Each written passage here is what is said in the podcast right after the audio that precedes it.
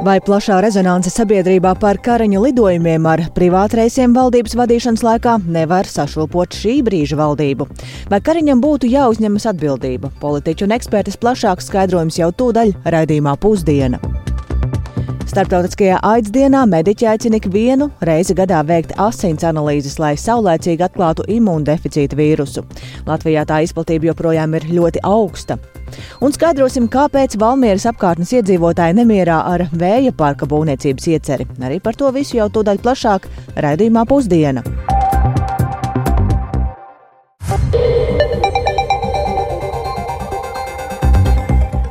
Divpadsmit un piecas minūtes skanējums sāk 1. decembra raidījums pusdiena un plašāk skaidrosim šodien būtisko studijā Dācis Pēkšēna. Labdien! Un sākam šodien ar ziņām no viena no pasaules karstajiem punktiem. Gāzes joslā ir atsācies karš pēc nedēļu ilgušā pamieru un uguns pārtraukšanas. Izrēla ar aviācijas triecieniem atbild uz teroristu grupējuma Hamas šī rīta raķešu uzbrukumiem Izrēlas dienvidiem. ASV ir aicinājušas Izrēlu darīt visu iespējamo, lai izvairītos no civiliedzīvotāju upuriem Gazā. Par jaunākajiem notikumiem eh, studijā šobrīd um, pastāstīs kolēģis eh, Uldis Česberis. Sveiks, Uldi, kādēļ tad kara darbība Gazas joslā šobrīd ir atsākusies tomēr? Jā, nu līdz šī rīta pulksten septiņiem vēl bija spēkā vakar pagarinātais pamieris starp Izraēlu un Hamas. Un vēl dažas stundas iepriekš medijos arī parādījās ziņas, ka it kā ir panākta vienošanās par pamiera turpināšanu vēl vienu dienu. Nu, taču pēc pusdienas sešiem pienāca ziņa, ka virs eh, Derotas pilsētas Izraēlas dienvidos ir notriekta raķete, un Izraēlas armija paziņoja, ka tā ir palaista no Gazas joslas. Un neilgi pēc tam parādījās informācija par sprādzieniem un apšaudēm Gazā, un jau tad vairāk vai mazāk bija skaidrs, ka visticamāk šis te mm, pamieris netiks pagarināts, un eh, arī nedaudz vēlāk Izraēlas armija apstiprināja, ka tā ir atsākusi aviācijas un artilērijas uzbrukumus Gazas joslā jo Hamas teroristi esot pārkāpuši pamiera nosacījumus. Dienas pirmajā pusē Izrēla veica uzlidojumus ne tikai Gazas ziemeļos, kas iepriekš bija kara darbības epicentrs, bet arī dienvidos, kur patvērumu ir guvuši simtiem tūkstošiem civiliedzīvotāju. Hamas kontrolētā Gazas veselības ministrija apgalvo, ka uzbrukumos ir nogalināti vairāk nekā 30 cilvēki, bet šai informācijai nav neatkarīga apstiprinājuma. Izraelieši virs Hāņūnisas pilsētas ir izkaisījuši skrejlapas, kurās civiliedzīvotājus aicināja pārvietoties uz Rafahas pilsētu pašos Gāzes dienvidos, un tas varētu liecināt par Izraels plāniem paplašināt militāro, militāro operāciju zonu. E, šīs te Izraels kaujas operācijas Gazā atsākās neilgi pēc tam, kad vakar vakarā vizīti Izrēlā noslēdza ASV valsts sekretārs Antonijs Blinkens, un pirms došanās prom viņš neslēpa, ka sarunā ar Izraels premjerministru Benjaminu Netanjahu ir saņēmis nepārprotamus signālus, ka Izraela tuvākajās dienās gatavojas atsākt militārās operācijas Gazā, un tāpēc Blinkens aicināja Izraelu neatkārtot kara pirmo nedēļu kļūdas, kad intensīvajos aviācijas uzlidojumos nogalināja tūkstošiem civiliedzīvotāju. That means taking more effective steps to protect the lives of civilians including by clearly and precisely designating areas and places in southern and central Gaza. Tas nozīmē veikt efektīvākus pasākumus, lai aizsargātu civiliedzīvotāju dzīvību, tostarp skaidri un precīzi nosakot teritorijas un vietas Gazas dienvidu un centrālajā daļā, kur viņi var būt drošībā un ārpus kara darbības zonas. Tas nozīmē izvairīties no turpmākas ievērojamas civiliedzīvotāju pārvietošanas Gazas iekšienē. Tas nozīmē izvairīties no dzīvībai svarīgas infrastruktūras infrastruktūras, piemēram, slimnīcu, elektrostaciju un ūdens apgādes iekārtu bojāšanas. Un tas nozīmē, ka civiliedzīvotājiem, kuri ir pārvietoti uz Gazas dienvidiem, ir jādod iespēja atgriezties ziemeļos tik līdz apstākļi to atļauj. Nedrīkst notikt ilgstoša iekšējā pārvietošana. To visu var izdarīt tā, lai Izraela joprojām varētu sasniegt savus mērķus. Jā, bet uh, Katara ir paziņojusi, ka tā joprojām turpina diplomātiskos centienus, lai panāktu, ka Izraela un Hamas tomēr vienotos par atgriešanos pie uguns pārtraukšanas režīma. Nu, tas ļautu turpināt ķīlnieku un ieslodzīto apmaiņu starp Izraelu un Hamas, un uh, jāpiebilst, ka pamiera septiņās dienās Hamas atbrīvoja kopumā 78 gūstā eh, saņemtus Izraels pilsoņus, kā arī 3 Krievijas un Izraels dubultpilsoņus, kā arī 24 Taizemes un e, Filipīnu pilsoņus. Un tiek lēsts, ka Gazā varētu atrasties vēl aptuveni 130 ķilnieku, kurus Hamas teroristi nolaupīja 7.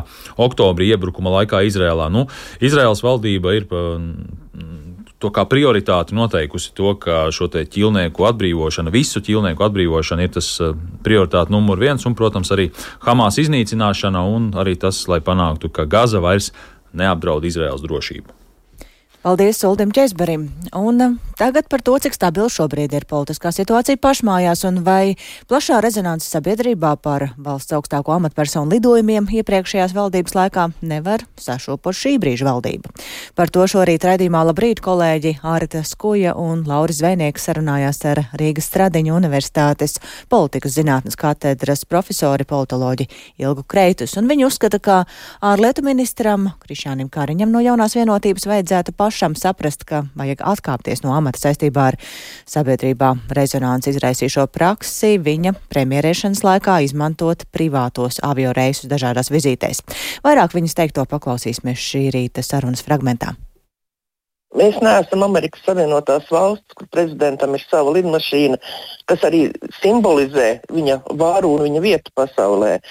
Un tāpēc ir ļoti pārsteidzoši, ka Kariņš kungs, kurš it kā būtu pasaules pilsonis ar divām pilsonībām un kas zina pasaules pieredzi, pēkšņi ir iedomājies, ka Latvija jau ir sasniegusi Amerikas Savienoto valstu līmeni un var iegādāties sev lidmašīnu, aizmirstot par to, kas praktiski notiek reāli dzīvē, it īpaši ņemot vērā to, ka viņš tik ilgi ilgu laiku ir bijis valdības vadītājs. Kariņa kungam sen vajadzēja atkāpties.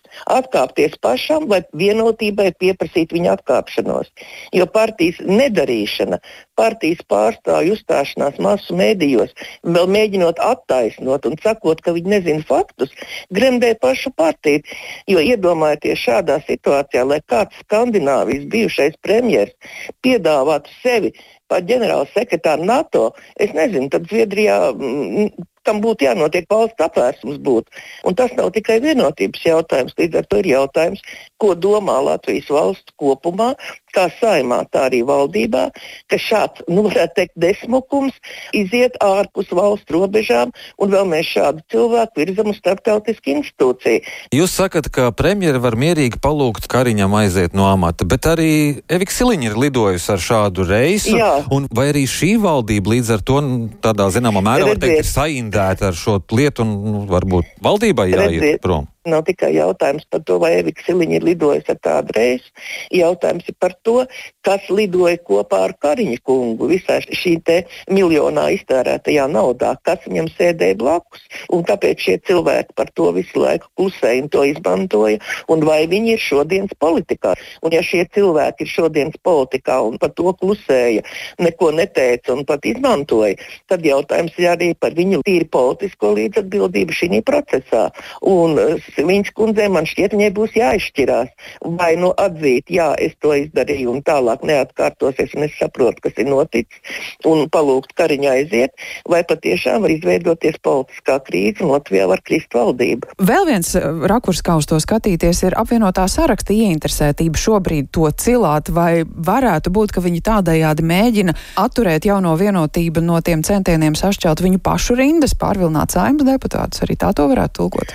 Nē, nu, apvienotam sarakstam var saprast. Nonākot opozīcijā, viņiem samērā zems reitings ir, ja mēs skatāmies pret ievēlēšanas brīdi, un opozīcija izmanto visus līdzekļus, lai, kā saka, gan sev spālus uzbužinātu, gan arī parādītu, ka viņi ir spēks, ar kuru jārēķinās.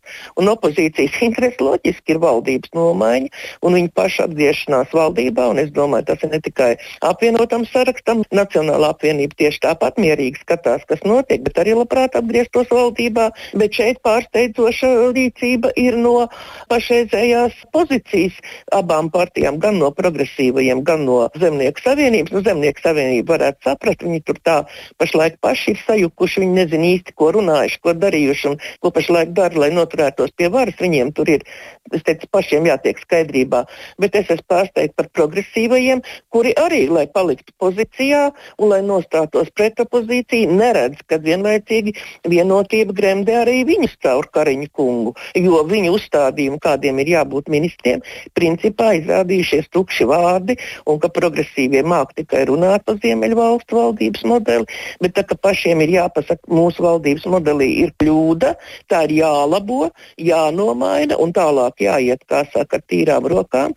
Progresīvie klusē mierīgi un arī mēģina filozofiski atrast kaut kādus attaisnojumus. Dzirdējām Rīgas Stradiņa Universitātes politikas zinātnes katedras profesoras politoloģijas Ilgas Kreitus svērtējumu. Bet kāds ir tagadējās valdības koalīcijas redzējums par privātu avioreisu izmantošanu? Progresīvo un Zaļo zemnieku savienības pārstāv pašlaik norobežojas no iepriekšējās pieredzes privātu avioreisu izmantošanā un sola to paši neizmantot. Savukārt par to, kā rīkoties tagadējam ārlietu ministram Krišānam Kariņam no jaunās vienotības, ņemot vērā publisko ažiotāžu, to koalīcijas pārstāvi atstāja viņa paša un jaunās vienotības rokās, bet par to vairāk gatavs pastāstīt kolēģis Jānis Kīns. Sveiks, Jāni! Sveicināti! Jā, valsts kancelēja jau ceturtdien Latvijas radio atklāja, ka gatavo izmaiņas amatpersonu ceļošanas uh, kārtībā. Tādējādi valsts amatpersonas ar privātiem avio reisiem turpmāk lidos krietni retāk. Tas uh, ietekmēs arī tagadējās premjeras Evikas Siliņas no jaunās vienotības darba vizīšu plānošanu, un tā ir tieši reakcija uz plašu publicitāti guvušo informāciju par iepriekšējās valdības vadītāja lidojumiem ar privātajām lidmašīnām, kas gan valsts budžetā, gan no Eiropas Savienības līdzekļiem izmaksājas vairāk nekā 1,3 miljonus eiro.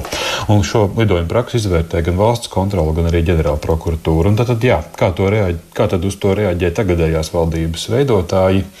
Partija progresīvi atbildību saredz par tagadējās valdības rīcību, lai neradītu šaubas par liekiem tēriņiem. To uztver, uzsver progresīvo viens no līderiem Andris Šuvājevs. Lūk, viņa sacītais.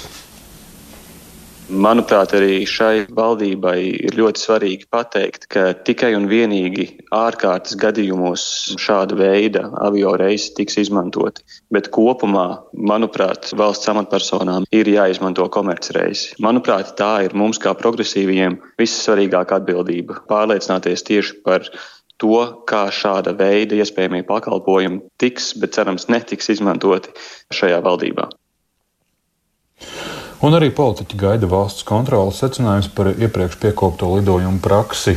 Tāpēc pašlaik nogaidoši ir arī otri, ir otri koalīcijas partneri Zaļo zemnieku savienība. Un ZZS frakcijas vadītāja vietnieks Augusts Brigmanis atsaucas arī uz novērojumiem saimnes pieprasījuma komisijā kuras sēdēs ar aizbildinājumiem par sensitīvu informāciju, līdz šim nav ticis atklāts, kas vēl bez toreizējā valdības vadītāja šajos lidojumos ir devušies. Un, ja tie ir bijuši premjeras biroja darbinieki, tad tur noteikti nebūtu nekā slēpjama, uzskata deputāts Augusts Brigmans. Lūk, arī viņa teiktā fragments. Tas ir pirmām kārtām nu, ļoti eh, precīzi skaidrojums un uh, droši vien, ka ne, neiztiks bez eh, uzvārdu publicēšanas, kas tur ir lidojuši. Nākošais jautājums ir ļoti precīzs, varbūt skaidrojums par tādām sensitīvām lietām. Kāpēc, piemēram, ja tur ir trīs lidojumi uz vienu vietu bijuši, kāpēc ir vajadzīgs ir bijis nu, šis obligāti speciālais reizes? Jo tas, manuprāt, būtu spēcīgs arguments pateikt, jā, trīs reizes bija tā dienā, bet viņš lidoja ar to lidmašīnu tāpēc, ka tur bija nu, tāda Latvijai svarīga lieta, kur viņš nevarēja nekādīgi izvairīties no šī tā lieta. Nu jā, nu kā jau dzirdējām, politologi politoloģe Ilga Kreitusi un arī citi viņas kolēģi ir izteikušies, ka šis izvērties skandāls par privātajiem avioreisiem, būtu pamats Kariņam atkāpties no amata. Nu, koalīcijas partneri šo jautājumu gan mudina uzdot partijā vienotība. Un, jā, vēlāk šīs dienas laikā šo jautājumu, par šo jautājumu sazināšos arī ar partijas vienotība vadības pārstāvi un ceru iegūt arī Krišāņa Kariņa reakciju uz šiem politologu vērtējumiem. Dace! Paldies! Gaidīsim arī pašu Kariņa viedokli tik tālu Jānis Kīncis.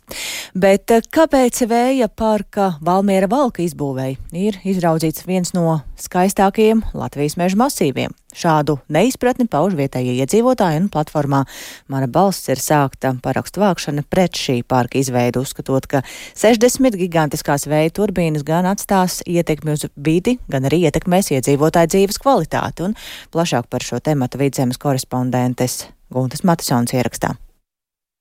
Mēs varētu iedomāties, mēs braucam un tagad posmā starp Strenčiem un Valku ja, mums ir 60 Valmieras televīzijas torņi. Valmierietis Armāns Broks mūsu sarunai speciāli izraudzījies vietu, kur tālumā labi var redzēt Valmieras televīzijas torni, lai tādējādi rastos priekšstats. Vienas veida turbīnas izmērs ir plānots 200 metri augsts kas ir identisks Valmieras televīzijas tornim, kurš ir 204 metri augsts. Plus vēl mēs liekam 100 metrus klāt uz augšu, ja, kas būs vēl rotora lāpstiņas augstums. Ja, jo kopējais eh, vienas vēja turbīnas augstums būs 300 metri. Armāns Bruks ir arī ierosinātājs iniciatīvai platformā Mana balss, lai pārskatītu vēja parku izveidi Latvijas mežos. Šī te teritorija no strenčiem uz valkas pusi daļēji ziemeļgaujas aizsargājuma ainavu apvidus. Nu, tā ir manā vērtības skalā viena no vidzemes pērlēm. Ar savu unikālo dabu, ar cirgaļu kāpām, kas daļēji iekļaujās šajā te teritorijā. Ja, tur ir arī ļoti augsta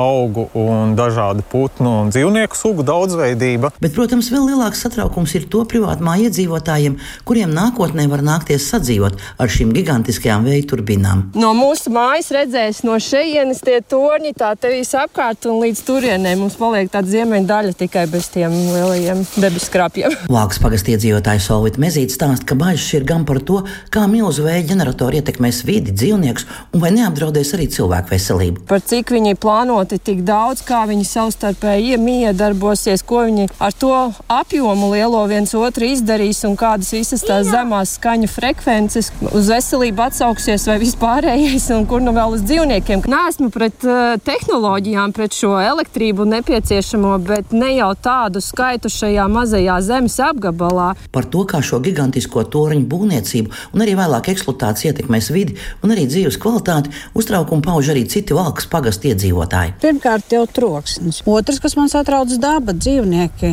jo man turpat pie mājām riesto rubeņi. Taču klājas vietas Latvijā ir ļoti pietiekami daudz, kuras var atrast, un, un kāpēc tur nevarētu atpirkt degradētās teritorijas, kur nav jāiznīcina tāda liela meža. Reiķinā 300 metru augstu posmā, tad kāda tur vajag to pēdu, visu to pieveceļi, kabeļi, kas tiek vilkti. Es pieļauju, ka 200 hektāri vismaz šeit tiks nocirti no valstī. Es domāju, ka vieniem no skaistākajiem mežiem. Šo projektu īstenos Jā Latvijas vēja parki. Atbildot uz jautājumu, kāpēc vēja parkam atvēlēts tieši šis priežu meža masīvs, akcijas sabiedrības Latvijas valsts meža valdes loceklis Valdis Kalns stāsta, ka ir apzināts meža teritorijas, kur tos varētu būvēt, un nācies secināt, ka sākt vidas izpēti var tikai 27% mežu. Vairāk kā 70% Latvijas valsts meža teritorijas jau ir pilnībā izslēgts no jebkādiem potenciāli veiparku izpētēm. Vai nu tie ir esoši vidas aizsardzības aprobežojumi, vai tā ir apdzīvotība. Iedzīvotāji jautājums jau, protams, ir, vai tomēr nevar izraudzīties citu vietu. Mēs esam piedzīvojuši to, ka kopumā vidēji sabiedrība vēlās